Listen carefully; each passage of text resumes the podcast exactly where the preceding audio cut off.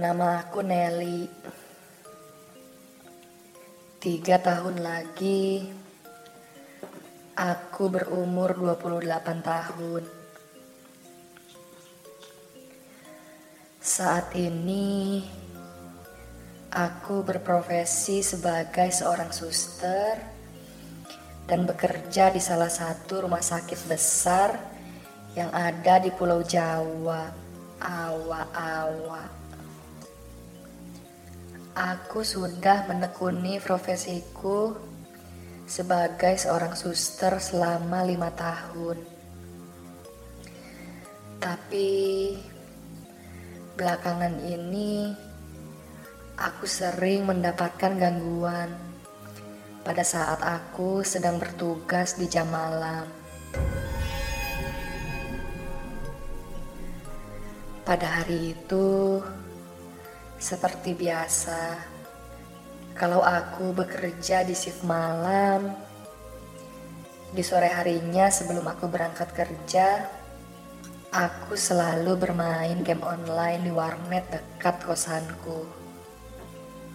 Karena memang cita-cita aku sedari aku masih berbentuk sperma adalah menjadi seorang gamers profesional seperti Jos Nolemont. Setibanya aku di warnet, aku sedikit heran karena suasana di dalam warnet itu sepi sekali. Tidak seperti biasanya yang penuh sesak. Karena biasanya di warnet yang memiliki komputer sebanyak tiga buah itu dipenuhi oleh lima orang. Karena saat itu semua komputer kosong, aku pun bingung memilih komputer mana yang harus aku tempati.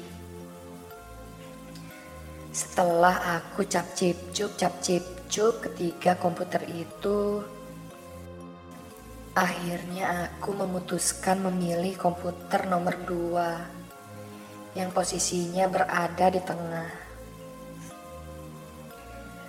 Aku pun langsung bermain game Mobile Legends. Saat aku sedang asik bermain dengan Enjoy, tiba-tiba di dalam warnet itu tercium bau seperti ada sesuatu yang terbakar. Aku pun menghentikan permainanku saat itu. Padahal sedikit lagi aku hampir saja epic comeback. Tapi tiba-tiba Astaga. Bau Bau terbakar itu semakin kuat semeliwir melintas di lubang hidungku. Aku pun segera mencari operator warnet saat itu. Karena aku takut kalau misalkan ada konslet atau apa gitu. Namun saat aku cari operator warnet itu di mejanya, nggak ada. Di depan warnet, nggak ada. Di Honduras, kejauhan. Aduh, Waktu itu aku berpikir mungkin operatornya sedang pergi keluar mencari makan. Karena saat itu jam setengah tujuh malam. Aku pun mulai panik banget. Karena karena di dalam warnet itu hanya ada aku seorang diri. Astaga. Yang harus aku lakukan? Aku bingung sekali saat itu. Ditambah lagi, sekarang bau itu semakin menyengat sekali. Dan baunya berubah menjadi bau daging gosong. Astaga.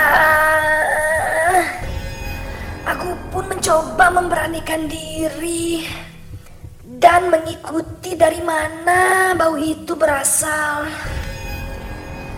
Saat itu, aku melihat ada satu pintu yang posisinya berada di belakang warnet dengan kondisi terbuka sedikit, sekitar 2,3 cm.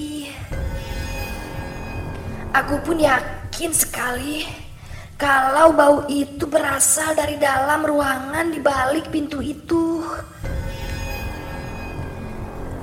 Aku pun kemudian segera menuju pintu itu dengan membawa air satu baskom. Dan saat aku buka pintu itu secara perlahan-lahan, tiba-tiba, astaga! Aku tak percaya apa yang aku lihat saat itu. Astaga. Tepat di balik pintu itu ada ada ada operator warnet yang sedang membakar sate. Ya ampun si emas. Aku pun langsung ikutan gabung bakar-bakar sate saat itu. Karena aku merasa sangat lapar sekali.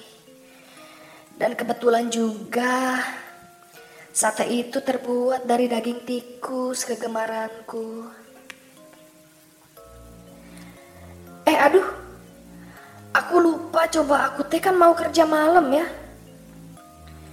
Dan aku pun langsung ngacir segera pulang ke kosan saat itu juga.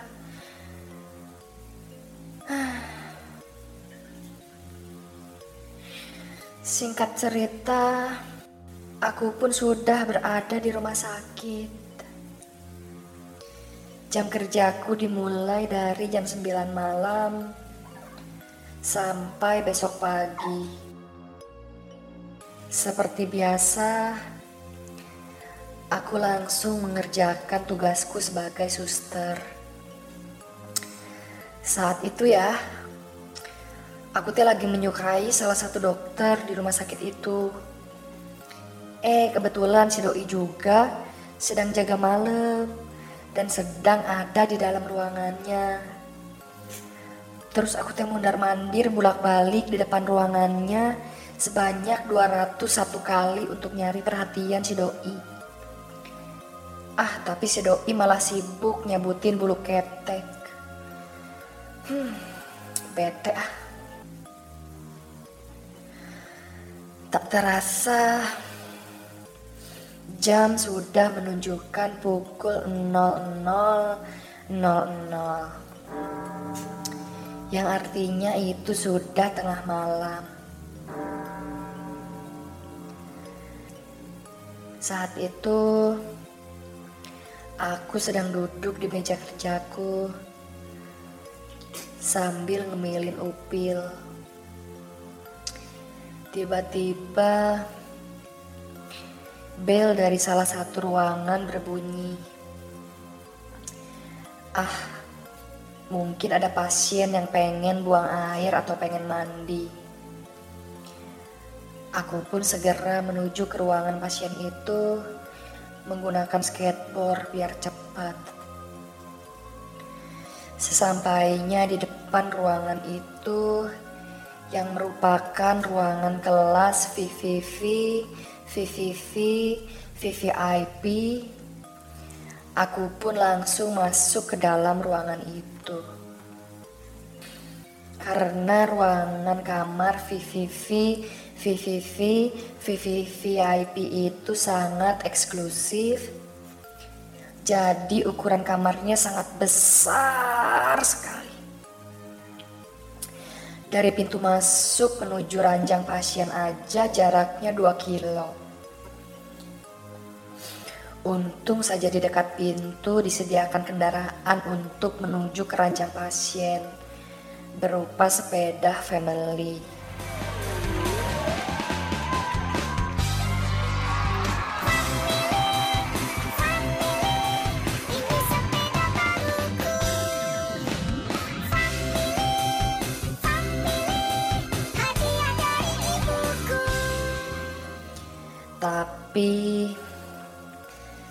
Sesampainya di ranjang pasien,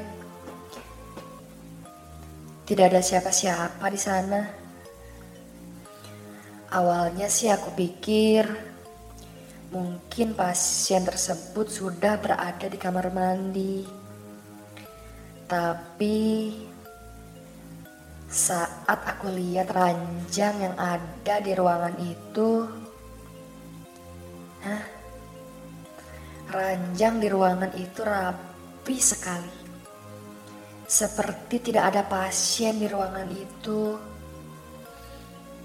Aku pun kemudian memastikan kecurigaanku saat itu. Aku langsung melihat ke kamar mandi. Dan astaga. Tidak ada siapa pun di situ. Aku pun bingung sekali saat itu. Tiba-tiba astaga.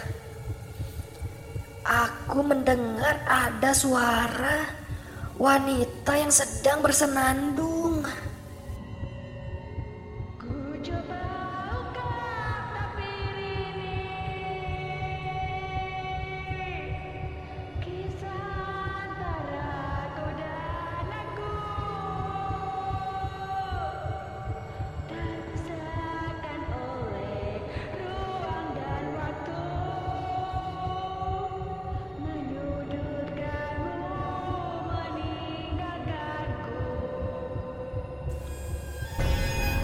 Suara wanita yang bersenandung itu bernyanyi dengan nada yang fals sekali.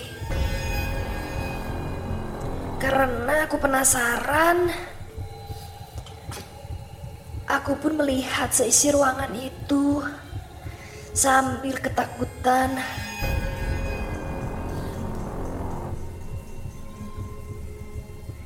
Dan betapa terkejutnya aku saat. Saat. Astaga.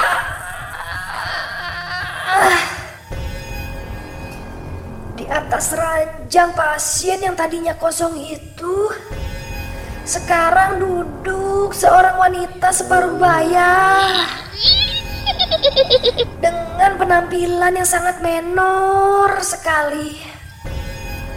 Wah, wah, wanita itu berpenampilan seperti seorang sinden. Menggunakan kebaya berwarna putih lusuh sekali. Sambil bersenandung lagu yang aku dengar tadi. Sontak aku pun langsung berteriak sekencang-kencangnya saat itu. Ah. Ah. Ah. Aku berteriak-teriak terus sebanyak 700 kali. Sambil berlari-lari ke arah pintu keluar. Tapi astaga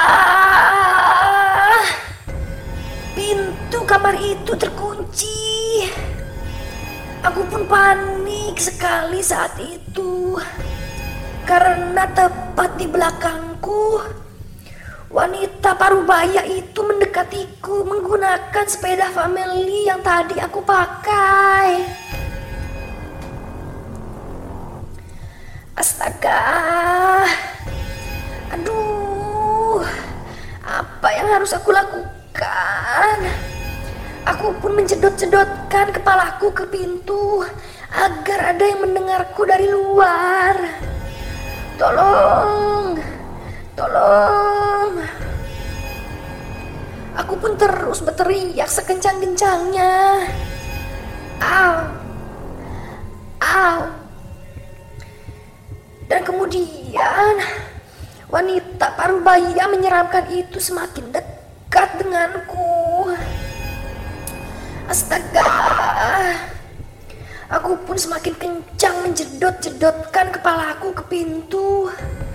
Dan tiba-tiba... Mbak, ibu minjem duit dong. Ibu mau pulang ke kuburan gak punya ongkos. Astaga. Wanita parubaya itu ternyata ada maunya. Tapi tapi saat itu aku nggak bawa uang. Dan saat itu juga kepalaku pusing sekali setelah aku jedot-jedotkan kepalaku ke pintu sebanyak 437 kali. Kemudian aku pun tumbang dan tak sadarkan diri.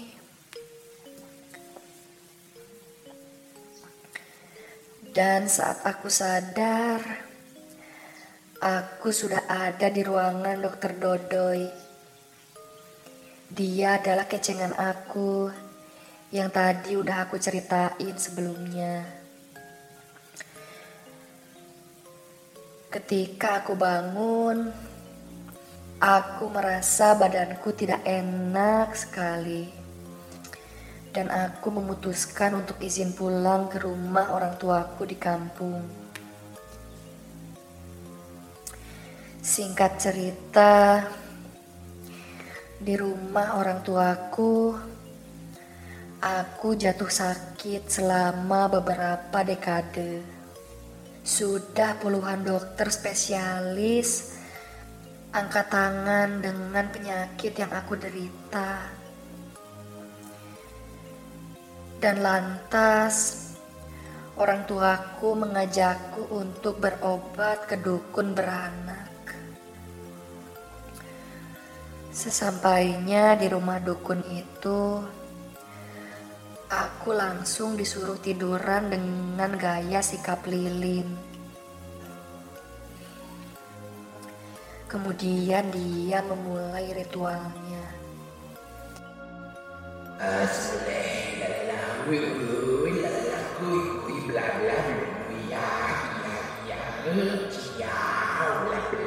Khỏi khỏi khỏi ya Dia terus saja seperti itu. Aku pun tak mengerti apa yang diucapkan dukun beranak itu. Dan tiba-tiba Astaga. Tiba-tiba saja dari lubang hidungku keluar sosok wanita parubaya yang waktu itu aku temui di rumah sakit. Aku pun sontak ketakutan sekali saat itu. Astaga. Tapi tapi tapi sekarang wanita parubaya itu berubah warna menjadi berwarna hijau. Astaga. Aduh. Astaga. Ternyata seluruh tubuh wanita itu dipenuhi upil yang berasal dari dalam hidung aku. Kemudian dukun beranak itu membawa sosok wanita itu ke kamar mandi dan menyuruhnya untuk bersih-bersih. Saat itu juga aku merasakan tubuhku menjadi sangat ringan sekali. Dan mendadak saja aku sembuh dari penyakitku. Sebulan telah berlalu semenjak kejadian itu. Aku pun kembali menjalankan rutinitasku sebagai seorang suster dan part-time gamers. Dan dari kabar yang aku dengar, wanita parubaya dan dukun itu saat ini sudah menikah.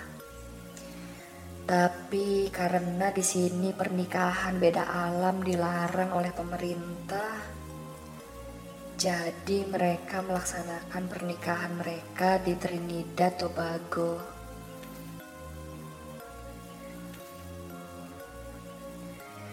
Begitulah pengalaman seram suram yang pernah aku alami.